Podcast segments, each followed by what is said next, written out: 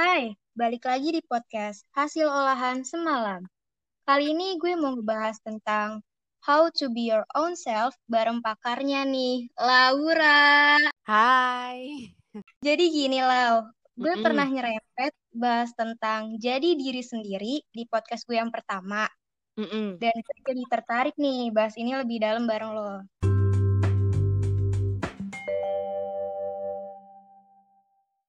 As you know guys, Laura ini anaknya berani banget nunjukin diri dia yang seada-adanya dan gak peduli sama tanggapan orang lain terhadap dirinya. Mungkin yang belum tahu Laura ini siapa bisa dicek dulu kali ya IG-nya. Apa lo nama IG lo? Instagram aku @laura_alarista. Nah, bisa dicek dulu tuh guys, SG-SG-nya yang Yahut abis. eh TikToknya jangan lupa TikTok. Eh, jemput gue. Apa sebut-sebut? TikToknya Laura Siburian. Bisa dilihat tuh guys.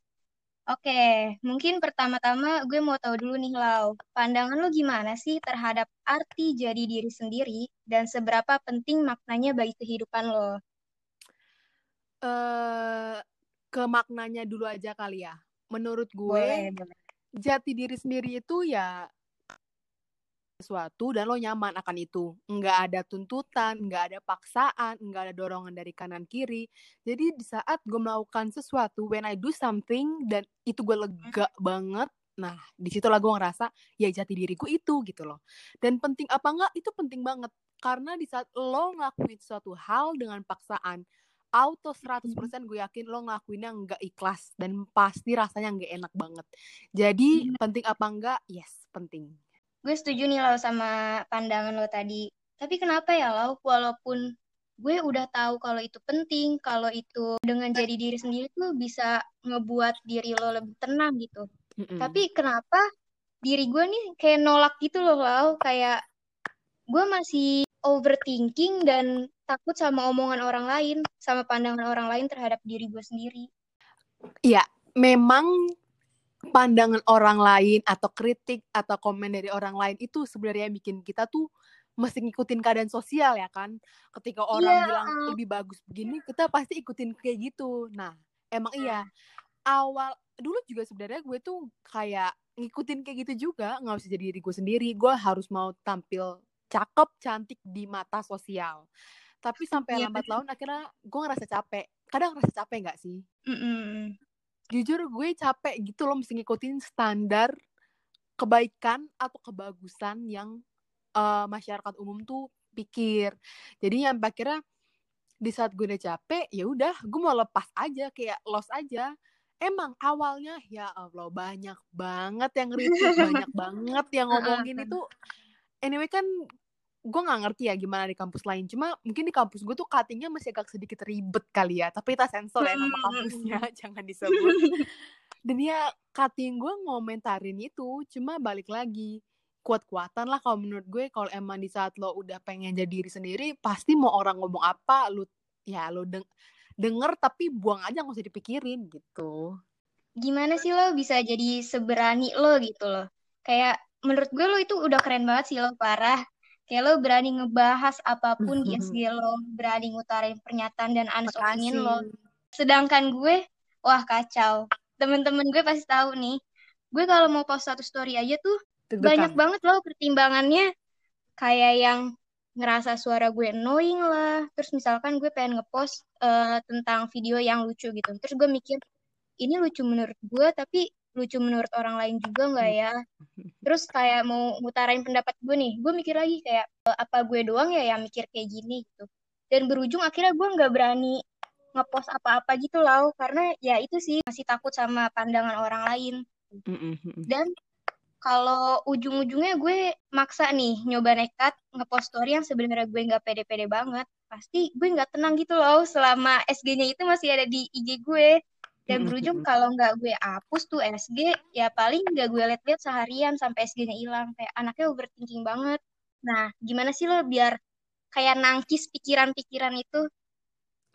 simpelnya anggap first account lo itu kayak second account lo pasti apa pun yang lo post lega bener gak sih kayak kita Bener. pasti kalau ngepost second mau aib kek mau ngakak kek lucu nggak lucu bagus nggak bagus kita post kan nyampe teman gue dia bilang kayak gini lo lo mau second mau first sama aja isinya. Ya iya.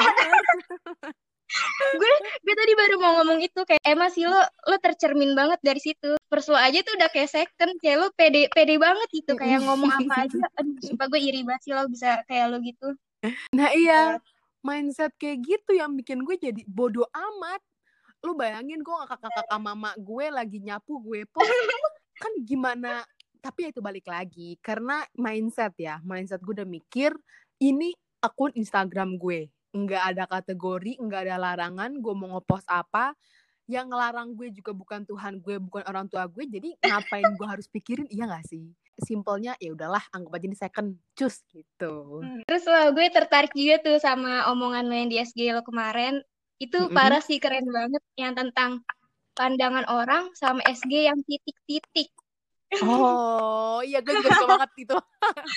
Gini ya, ini buat yang nonton, yang buat denger podcast ini, kalau kalian termasuk yang bilang SG orang titik-titik itu alay, kalian tuh salah berat. Lupa. Gini, jangan mentang-mentang kita bukan influencer, kita bukan selebgram, kita bukan artis. Jadi kita nggak bisa ngepost snapgram banyak gitu loh. Kenapa sih? Kayak emang cuma aku kali doang yang bisa, lu Lava doang yang bisa, terus kita nggak bisa. Terus gunanya kita punya Instagram tuh apa gitu loh. Jadi coba deh kubur pikir, pikiran kalian, mikir kalau SG itu banyak alay itu kenapa sih? Lagian juga nggak ada kok ditulis sama owner Instagramnya yang boleh Instagram panjang hanya influencer. Kan kalian yang ribet ya tong. Gedek juga gue. Bener bener bener banget sih lo yang tadi lo omongin. Uh, gue pengen banget nih kayak lo tapi dari diri gue sendiri tuh kenapa ya lo kayak belum bisa? Karena to be honest gue susah jadi diri sendiri tuh bukan karena cuma takut sama pandangan orang lain terhadap gue melainkan juga takut sama omongan-omongan yang ada di otak gue sendiri. Uh, misalkan gue habis ngelakuin suatu perbuatan terus dalam hati gue kayak ih kenapa sih gue ngelakuin itu? Aneh harusnya gue nggak ngelakuin itu gitu kayak bukan sekedar omongan orang lain tapi dari dalam diri gue sendiri nih ikut-ikutan ngejudge perbuatan gue. Gimana lo pendapat lo? Uh, menurut gue emang tingkat kepedean orang-orang itu udah pasti banget beda kan ya. Mungkin mm -hmm. gue tuh berani kayak gini karena emang gue anaknya sering tampil gitu. Kan gue emang dancer juga jadi gue sering tampil depan umum. Jadi mungkin itu alasan kenapa rasa pede gue tuh bisa setinggi ini gitu loh. Tapi balik lagi kalau tips dari gue gimana caranya lo bisa kayak accept diri lo sendiri coba cari mm -hmm. satu hal yang lo suka misalkan kayak gue gue suka seputar hal beauty ya yang gue bahas di snapgram gue hal beauty gitu jadi kalau lo suka terhadap suatu hal kemungkinan hmm. besar untuk lo terima hal itu di diri lo tuh bakal lebih besar gitu loh. Jadi ya coba cari deh apa passion atau hal yang lo suka gitu. Hmm. Tapi nih lo mengenai uh, ngepost yang tentang passion lo, gue juga overthinking gue nih ngomong gini kayak misalkan gue mau ngepost sesuatu yang gue suka, terus gue kayak ih uh, kok gue ngepost ini, gue tuh bukan siapa-siapa, pasti banyak yang mm -mm. lebih jago, lebih tahu dari gue gitu. Yes, benar. Dan ujung-ujungnya gue nggak jadi lagi ngepost tentang hal yang gue suka. Mm. Itu sebelumnya pernah ada temen gue juga yang nanyain, namanya ini, lo Aini teman kita. Iya. Halo Aini kalau denger. Dia bilang kayak gitu juga ke gue sama hal yang sama kayak lo bilang. Dia uh -uh. tuh pengen ngepost, cuma tahu kalau dia tuh belum jago dan masih banyak lagi orang di atas yang mengerti tentang hal itu gitu loh. Hmm. Nah, kayak gini, gue dance, beauty, makeup, ya ampun masih banyak banget di atas gue. Gue mah kayak rempahan rengginang lah kalau bisa dibilang. Tapi kenapa gue berani? Karena mm-hmm. gue selalu bilang entah di akhir story atau di sela-sela story atau gue lagi gabut gue pasti bilang di snapgram gue kayak kita belajar bareng improve bareng. Kalau emang ada uh, komen atau rekomendasi atau masukan bisa kasih itu ke gue lewat replay DM atau apa. So kalau misalkan lo mau ngepost kayak misalnya ini gitu dia mau ngepost tentang pendidikan atau hukum. Boleh di akhir caption lo bilang kalau misalnya ada masukan tambahin aja ya di kolom komentar kayak gitu loh jadi orang mikirnya kita tuh belajar bareng bukan menggurui gitu uh, by the way nih uh, ngomongin SG uh, kan lo frontal banget nih ya di SG lo kayak mm. lo berani nyampein apa pun nah mm. itu sebenarnya tuh banyak gak sih lo yang gak sependapat sama lo atau nge-reply lo tuh yang ngehead lo gitu loh. Mm -mm. Gue suka banget pertanyaan ini. Akhirnya dinanyain. Jujur ini gue kepo banget sih. Iya, karena yang selalu gue kasih lihat di snapgram yang bagus-bagusnya kan. Yang setuju-setujunya aja ya, gitu kan. Uh, uh, setuju. Sebenarnya gini, kalau sekarang sih nggak ada yang berani terang-terangan ngomong di depan gue gitu. Hmm. Kalau nggak setuju. Cuma dulu itu tuh ada dan uh -huh. kakak kelas kita dan tapi gue gak mau nyebut nama ya. Sumpah, ini dulu sih maksudnya nggak belakangan ini mungkin ada beberapa bulan yang lalu lah. Dia emang hmm. semacam mungkin nggak suka sama gue emang udah dari SMA jadi ya yang namanya haters ya apa pun yang lu bilang pasti dia tetap gak suka dong. Ya dia selalu kayak gue misalnya ngomong ah dia bilang ah so tau lo udah gak kayak gitu. Ya balasan gue begini eh maaf Bor. Ini snapgram gue kenapa lu yang ngegas? Gue gituin. Bodoh amat mau dia kakak kelas kek. Dia lebih tua dari gue kek. Eh, emang bener kan? Gunanya dia nge kayak gitu apaan? Emang dia Tuhan yang tahu semuanya? Kan enggak ya? Belum tentu apa yang dia bilang tuh bener gitu loh. Jadi kenapa sih kayak harus sok tahu banget harus bilang gue salah di mata dia? Jadi sebenarnya kalau ada yang gak setuju sama gue tuh pernah dan haters gue mm -hmm. juga pasti ada. Cuma emang sekarang-sekarang ini nggak ada yang pernah berani frontal nge-replay bilang nggak setuju sih. Gue yakin banget loh dia tuh takut disemprot sama lo sih. Karena ngeliat dari SG lo yang frontal banget parah. Aduh. Lo ada nggak sih eh, kata-kata ajaib yang bisa motivasiin diri lo sendiri di saat lo tuh overthinking gitu loh. Yang bikin lo nggak percaya diri, terus akhirnya lo kan mikir suatu kata terus lo jadi kayak ya udahlah bodo amat uh, tetap gue share aja tetap gue post aja gitu. jujur kalau kalimat gue nggak ada ya tapi hmm. ada satu hal yang gue lakuin di saat gue lagi insecure apa tuh gue selalu tiap pagi atau tiap siang atau malam sebelum tidur gue ngaca ya ngaca mau depan uh -huh. kamera HP kayak kaca kamar kayak gue bilang lau lo cantik mau lo gendut lo jerawatan sekarang pasti tapi ntar bakal cantik kok tenang aja tunggu waktunya dan emak gue sampai bosen liat gue begitu ngaca mulu tiap hari karena makin lo ngeliat diri lo makin lo bisa nerima gitu loh karena kadang saat lo kesel muka lo lagi jerawatan lo pasti nggak pengen ngeliat kan nggak pengen selfie kan Nah, hal itu yang harusnya malah jangan. Di saat lo kesel, lo jerawatan, lo malah nggak mau ngeliat muka lo, itu salah. Itu malah ngedon. Jadi gak ada sih kalau kalimat itu hal yang gue lakuin. Gue sering banget ngaca bilang lo lo oke okay, lo cakep lo bisa lo kurus. Meskipun kenyataannya mungkin enggak gitu.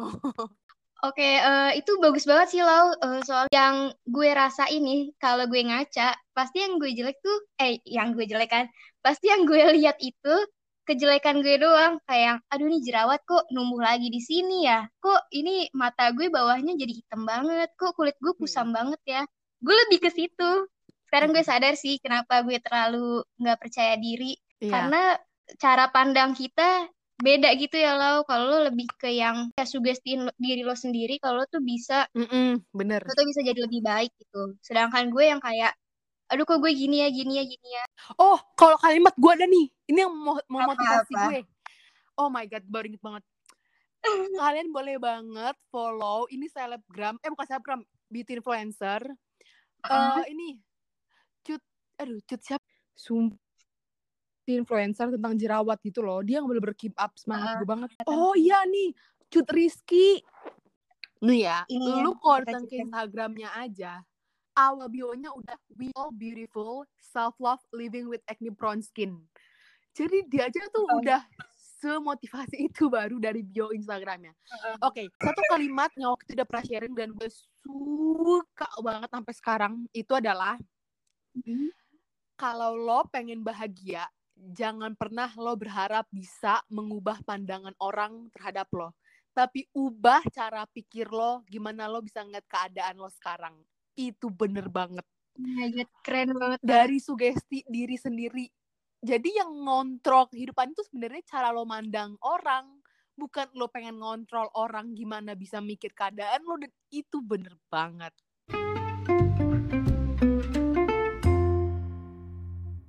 di podcast gue yang pertama gue pernah ngutip tentang uh, hidup tuh di zaman sekarang ini harus jadi bunglon harus pinter-pinternya lo nyesuaiin diri lo sama keadaan, dan sama apa yang orang lain mau. Nah, gue pernah ngasih per pernyataan itu di podcast gue yang pertama. Kalau tanggapan dari diri lo sendiri ini gimana lo? Itu relatif banget sih menurut gue. Kalau untuk sesuai keadaan tuh benar. Karena nggak mungkin lo petakilan di saat lagi doa, ya kan? tapi kalau lagi, tapi kalau tergantung apa yang orang mau, mm -hmm. itu relatif. Belum tentu benar. Karena kalau misalnya orang mau untuk, untuk cakep, kan cakep tuh standar orang beda-beda. Mm -hmm. Kalau lu lagi kayak keadaannya cari pekerjaan ya lo harus banget dong berlaku seperti apa yang perusahaan itu mau gitu. Jadi kalau menurut gue itu dua hal yang berbeda. Yang satu sesuai keadaan itu exactly yes, tapi kalau sesuai yang orang mau relatif. Lo lebih baik jadi diri lo sendiri dan dibenci orang atau lo disukain sama banyak orang tapi lo hidup jadi bukan jadi diri lo sendiri nggak perlu gue pilih dan emang udah terjadi kok banyak yang gak suka sama gue. Jadi ya jadi diriku sendiri. Uh, lo ada saran-saran lagi nggak sih tentang how to be your own self buat para pendengar podcast ini? Inti dari podcast ini yang paling pertama banget harus kalian lakuin cintai dulu diri kalian dan jangan kebanyakan ngekritik orang, ngelihat kesalahan orang. Karena apa yang kalian lakuin ke orang, ya itu juga yang bakal orang lakuin ke kalian. Jadi, kalau kalian udah cinta sama diri kalian, pasti apa pun yang terjadi kalian lakuin, apa pun yang kalian dapat sekarang, apa pun yang kalian terima, itu pasti kalian bakal nerimanya welcome gitu loh. Jadi ya balik lagi ke mindset sama kepikiran kalian. Itu aja sih.